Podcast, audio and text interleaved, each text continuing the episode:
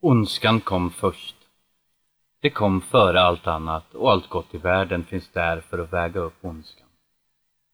Men ondskan är inte bara frånvaro av godhet, utan det är något mer, mycket värre, och det saknar all form av logik.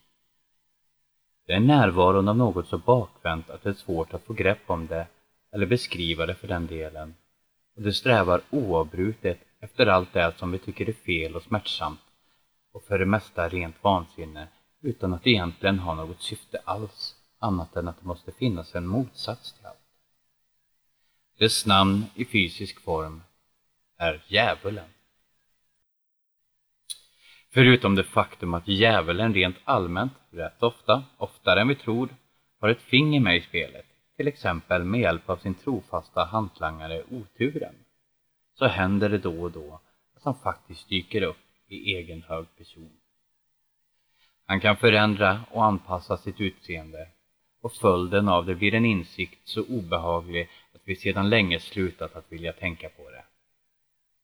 Vi känner inte alltid igen honom, men det händer att han lämnar spår efter sig som är så omöjliga och obegripliga att människor som ser dem lämnas utan någon förklaring alls.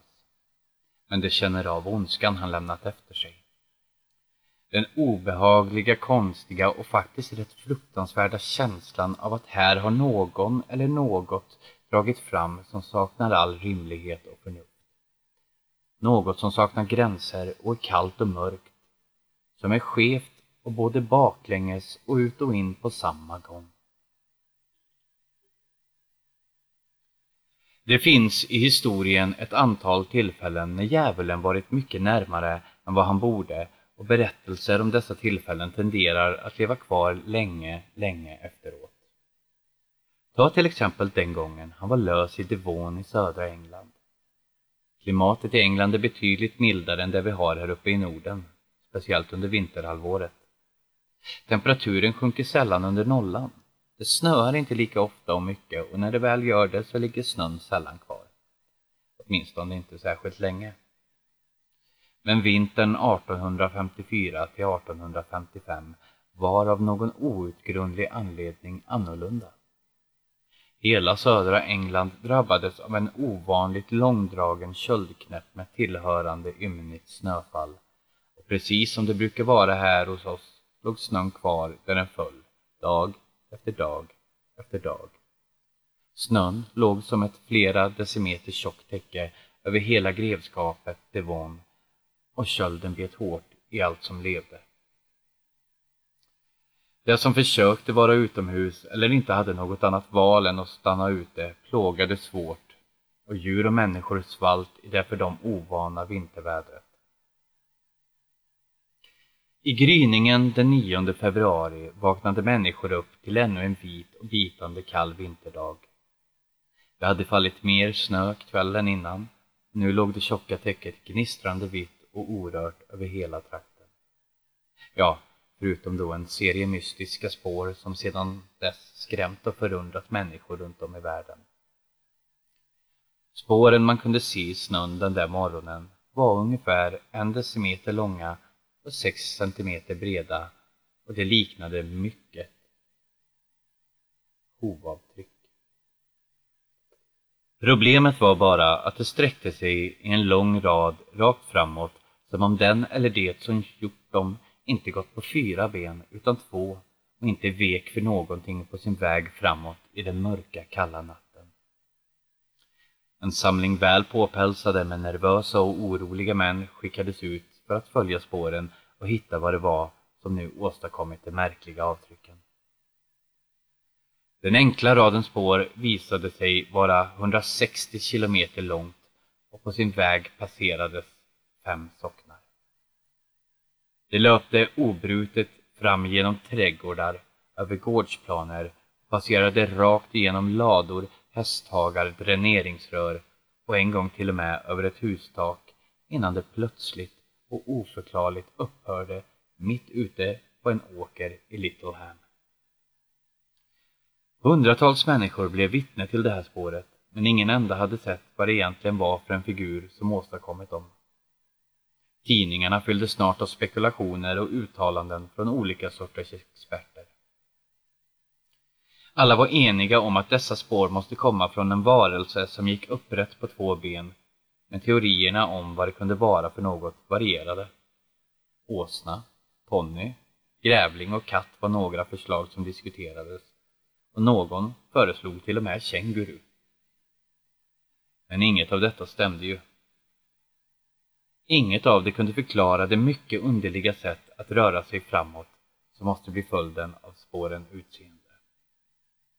Inget djur går 16 mil på två ben utan att vila ens en enda gång och utan att väja för vare sig hus, lador, dräneringsrör eller annat i dess väg.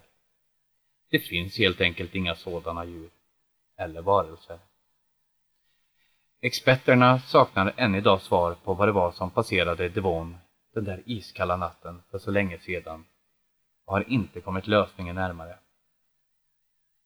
Men de vanliga människorna, det som var som du och jag och som var med den natten och såg spåren, det var alla övertygade och överens om vem det var som hade lämnat dem. Djävulen. Sedan dess har man uppmärksammat liknande spår runt om i världen och för Devons del upprepade sig historien 2009. Samma konstiga rad avtryck som vintern 1854-55, fast inte riktigt lika lång sträcka och inte heller denna gång fann man någon förklaring. Han, djävulen alltså, sägs också härja i södra New Jersey i de nordöstra delarna av USA. Eller kanske snarare hans avkomma. Där går han under namnet Jersey Devil och har spridit sin ondska i hundratals år i området Pine Barrens. Det sägs att alltihop började redan på 1700-talet när en kvinna vid namn Deborah blev gravid för trettonde gången och i ren förtvivlan och desperation utbrast att hon fortsättningsvis hellre bär satans barn än delade säng med sin make. Tyvärr fick hon sin önskan uppfylld. När hennes trettonde barn föddes hade det hovar, horn och svans och smet omedelbart ut genom fönstret till sin herre djävulen och har sedan dess levt där i krokarna. Jersey Devil syns fortfarande till då och då. Detta är naturligtvis bara ett par exempel på alla de gånger djävulen kommit oss lite för nära. Det har hänt många fler gånger, men det är inte alltid han väljer att lämna så pass tydliga spår som i de här två fallen. De platser han besöker får ofta namn därefter och därför har vi nu en rad platser runt om i världen vars namn avslöjar att djävulen varit på besök. Vi har till exempel Devil's Bridge. I hela Europa finns det broar med det namnet. Bara i Frankrike finns det tiotals, men det finns också i England, Tyskland, Italien, Spanien, Ungern och Portugal. Samtliga av Devil's Bridge-broarna är gedigna stenkonstruktioner byggda på medeltiden med en teknik som inte borde ha använts på den tiden. Enligt lokalbefolkningen sägs det ha byggts med hjälp av djävulen själv och priset för det var en människas själ. Därför påstås det i alla fall att i de här broarna har en människa murats in levande. Vi har också platser som Devil's Saddle, Devil's Creek, Djävulsön, Isle the Inferno och Devil's Tramping Ground. På de här platserna sägs han komma och gå och man går inte säker där. Det finns också andra platser där han håller till men som fått behålla sitt ursprungliga namn. Till exempel Blå Jungfrun, en liten, inte alltför okänd ö i norra Kalmarsund där han påstås hålla fester. Gemensamt för alla de platser jag nämnt är att man absolut inte ska ta med sig något därifrån om man besöker dem. Inte ens den minsta lilla sten.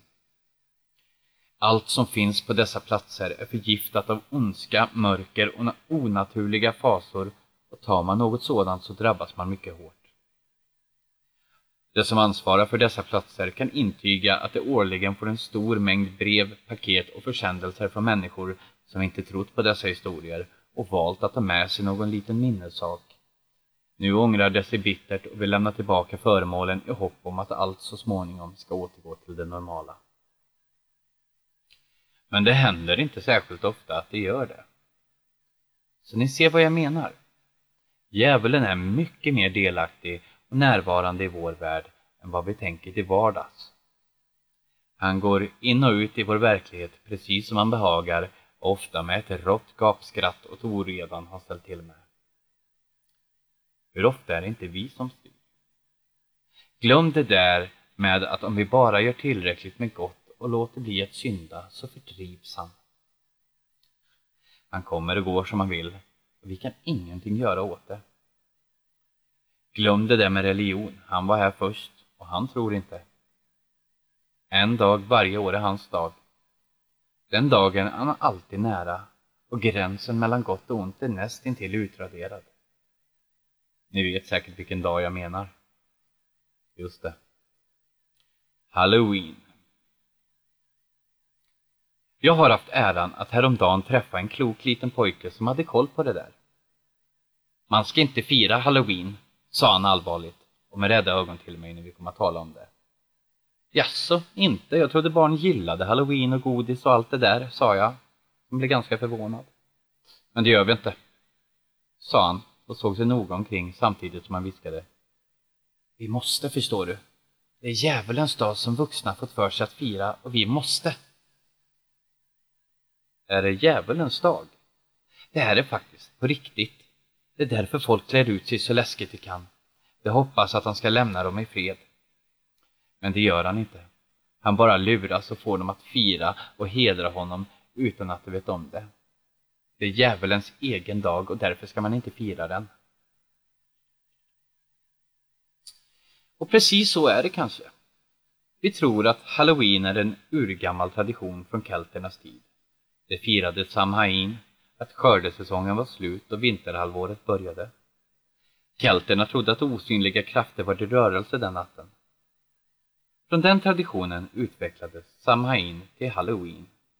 Det är i alla fall vad vi alltid har trott. Men kanske var också det lurade. Kanske var djävulens inflytande lika stort då som nu.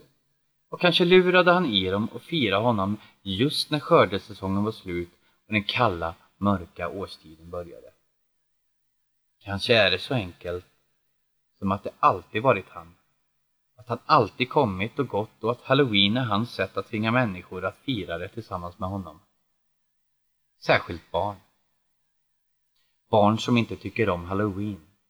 De är rädda för det och vet mycket mer än vi vuxna eftersom de fortfarande inte lärt sig att låta bli att tro på sin intuition. Kanske borde vi egentligen helt sluta upp med just den högtiden. Jag tänker då göra det, det kan ni lita på. För som den lilla kloka grabben sa, man ska inte ge djävulen uppmärksamhet, för om han gör det så finns han.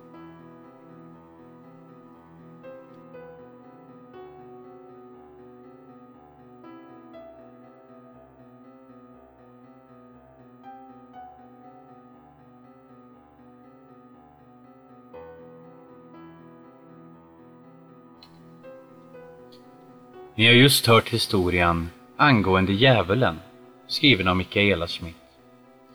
Ruskiga tankar som gör att jag kanske ska ifrågasätta mera varför vi firar just Halloween. Men sen är jag även alldeles för förtjust i den traditionen att jag nog är en av syndarna som om det vore hans högtid håller honom vid liv. Nu mina damer och herrar, vi har nått en ny höjdpunkt i podden. Inte nog med att vi passerat 88 000 lyssningar, vilket jag är hemskt glad för, så har vi även två grymt roliga saker i den här podden som ett litet halloween-godis åt er, även om det är en vecka dit. Ni ska nämligen få höra en historia skriven av både Mikaela Schmidt, men även mig. Den utspelar sig som en mailkonversation och huset vi pratar om kan ni se på våran Instagram nmfpod. Alltså NMFPOD. Det andra godiset vi bjuder på är ett gästuppläsande. Vi presenterar nämligen här Matilda Sandström som rollen av Mikaela i den här mailkonversationen som blev denna berättelse. Hoppas ni ska gilla. Här kommer min och Mikaela Smiths specialavsnitt för Halloween. Uppläst av mig, Tommy Nordin och Matilda Sandström.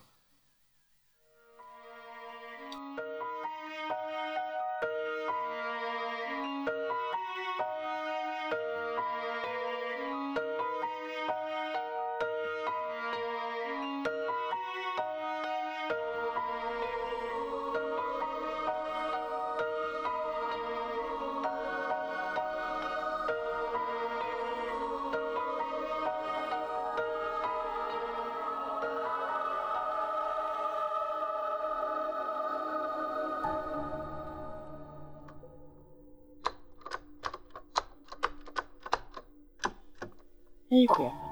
Det börjar bli dags för en ny historia. Det har ju varit tyst i podden ett tag på grund av olika privata händelser, både din och min sida. Men nu måste vi ta oss i kragen. Det börjar närma sig jul och jag funderar på om vi inte ska göra något alldeles speciellt. Vi borde göra något som inte liknar någonting annat vi tidigare gjort. Just nu är det dock total stilja i skallen och jag har inte en enda bra historia i skallen. Men så kommer jag att tänka på det där fotot du skickade till mig häromdagen. Du vet det där med det märkliga övergivna huset du hittat. Kanske kunde man skriva ihop någonting kring det. Vet du någonting om det husets historia? Har du hört några rykten kring det? Jag berättar aldrig en påhittad historia. Det finns alltid sanning i dem. Men jag kan gärna berätta någon annans och därför vore det bra om du kunde ge mig lite bakgrundsfakta och de eventuella historier du har hört om huset. Ha det bäst så länge.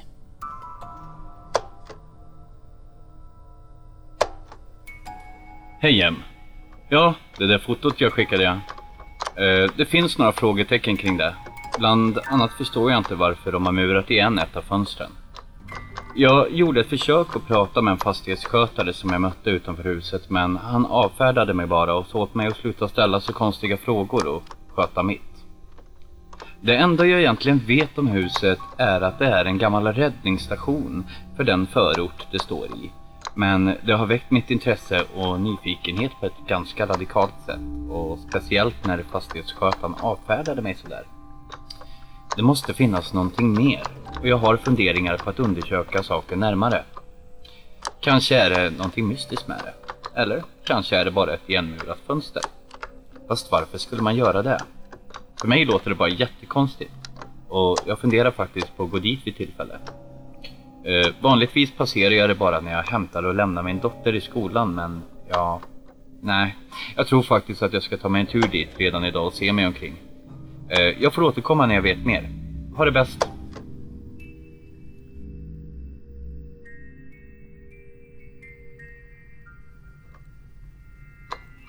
Hej igen.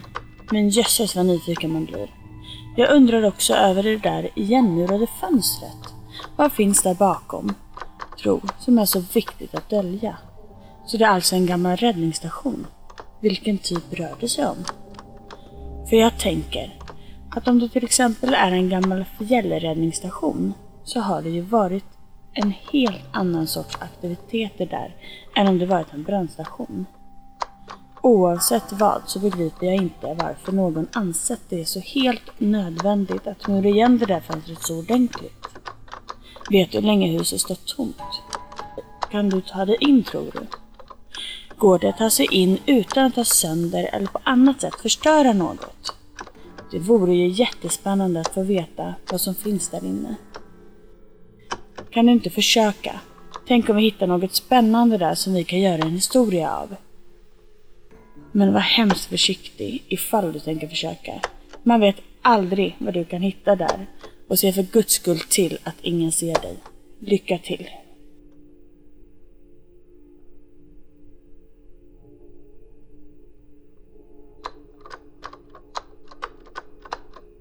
Hej Em. Jag har lyckats att eh, under en vända för att hämta dottern smeta tuggummi vid låskolven när dörren vid ett obevakat ögonblick stod öppen. Ja, jag vet att det låter klichéaktigt och som ett långskott. Eh, men ikväll har jag tänkt att åka dit för att se om jag kan komma in i huset. Jag är ärligt talat så grymt nyfiken att jag inte kan låta bli. Jag vill absolut inte stjäla någonting eller förstöra, utan bara undersöka stället. Jag menar, vad kan de ha i rummet som de måste mura igen fönstret för att dölja? Jag hoppas verkligen att tuggummitricket fungerade. Hör av mig igen när jag varit där ikväll. Hoppas inte mina mail väcker dig. Kram.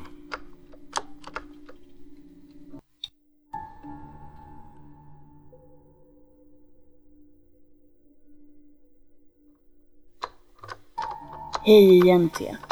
Åhå, det gamla knepet med tuggummi.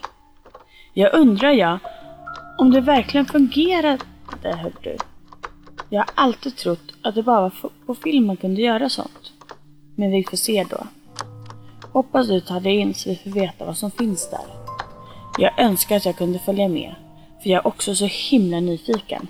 Men jag vet ju inte ens var huset ligger. Var nu försiktig, speciellt om du lyckas ta dig in. Och utmana inte ödet mer än absolut nödvändigt. Och snälla, hör av dig direkt. Jag är så himla nyfiken och också faktiskt lite orolig för att du tänker göra det här ensam. Kram.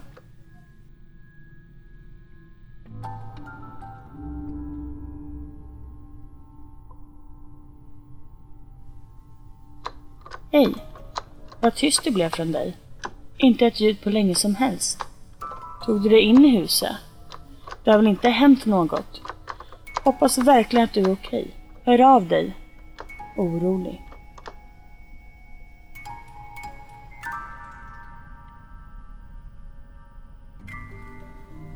Hej! Alltså jag har varit med om någonting helt galet och troligen kommer du inte ens att tro mig. För det första så funkade tuggummitricket galant och det var bara för mig att spatsera in. Ja, nu spatserade jag knappast utan smög som en ninja. Om nu ninjor hade vägt 105 kilo vill säga. Oväsentligt.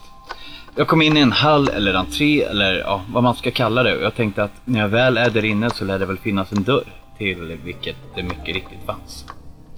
Den var dock inte låst utan det var en vanlig dörr. Den ledde in mot det där rummet du vet, där med igenmurat fönster. Och tro det eller ej, men där inne fanns inget. Alltså, jag menar absolut inget. Inga möbler, tomma väggar, ett golv utan färg. Och givetvis, på andra sidan var det samma tegelstenar som på utsidan, men ja, från andra hållet. Det märkliga var att när jag väl kom in i mitten av rummet för att söka av allt, så var det något som började suga i magen på mig. Jag blev yr, alltså inte så jag ville svimma, mer en sån där euforisk känsla av lycka, av avslappnad. Som ett drogrus liksom. Jag vet inte hur länge jag stod där, i mitten av rummet, på det kala golvet. Men jag avbröts när jag hörde någon drog i handtaget till utsidan. Jag fick snabbt gömma mig bakom dörren tills de kommit in och gått förbi. Jag hörde hur någon ropade Vem i helvete har öppnat till rummet? Jag alltså underströk rummet, som om det var namnet på själva, ja, rummet. Han drog snabbt igen dörren utan att se mig som tur var. Och efter mycket rabalder där ute, där jag mest hörde dunkelt rytande, så lämnade de det rummet som är mitt emot i hallen. Och jag hann obemärkt smita ut. Jag har så många frågor nu. Mer än innan. Varför blev han så arg? Varför kände jag mig så lycklig av rummet? Varför ville de dölja rummet? Det är ju underbart. Alltså, jag måste tillbaka dit ikväll. De har antagligen hittat tuggummit i dörren, men det struntar jag i. Jag bryter upp dörren om jag behöver. Jag har aldrig haft den här känslan av glädje som där. Eh, jag ska även kolla om det finns ventiler eller något som kanske sprutar in något luftburet eller liknande. Ett rum kan ju inte bara sprida en sådan glädje. Det måste finnas en förklaring. Vet du något om sånt här? Ja, i vilket fall. Jag skriver när jag kommer tillbaka. T.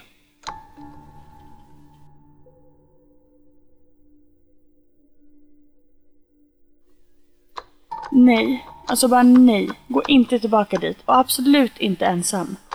Förstår du inte att det finns något där som försöker lura dig? Snärja in dig i sitt garn och det har redan tagit sig innanför ditt skinn. Någonting finns instängt där och nu har du kanske släppt ut det eftersom du öppnade dörren. Det är bara en falsk känsla i det där lyckoruset. Det är inte på riktigt. Någonting mörkt och kallt lurar dig. Du undrar kanske hur jag kan veta det? Jo, det ska jag säga dig.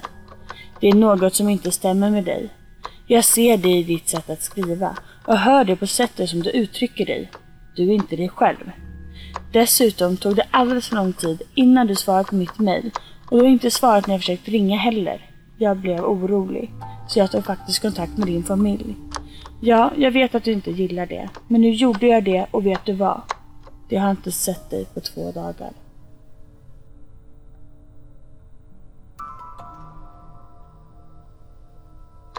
Hej! Jag är okej. Okay. Kontaktade du min familj? Ja, eh, det kanske var bra. Eh, till det bättre, jag minns inte så mycket mer än att jag tog mig dit igen för jag kände att jag verkligen ville uppleva den där känslan igen.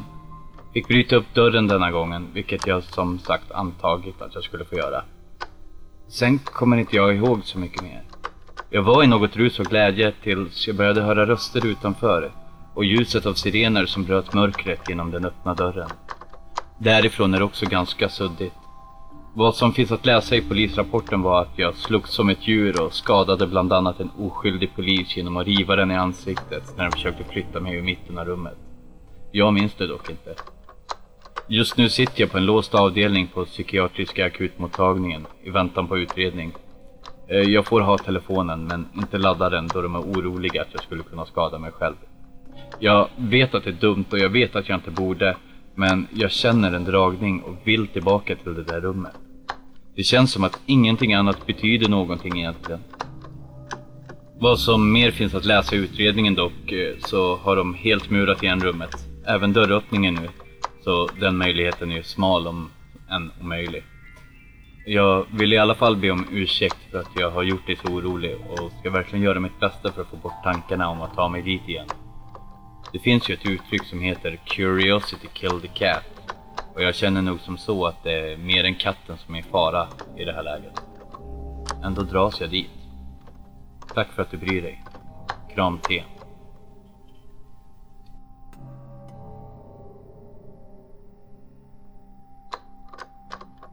Jag är medveten om vad som hänt för din familj kontaktade mig. Jag trodde först att det var för att de visste att jag var orolig för dig. Men det visar sig att de har fått tillgång till dina mejl på något sätt. Och nu anklagar de mig för allting som har hänt. Det gör inget. Jag förstår. De är rädda och oroliga och känner inte igen dig. Alltihop är så himla onödigt. Jag sa ju till dig att inte gå tillbaka. Nu känner jag mest av allt att jag borde sluta skriva creepypastas. Det är inte värt det. Men jag ska göra en sista sak. Jag ska besöka det där huset. Jag måste få veta vad det är som händer dig. Jag bara måste. Och nu vet jag vart det ligger. Jag hoppas att jag kan hitta ett sätt att hjälpa dig. Vi hörs min vän. Ta hand om dig.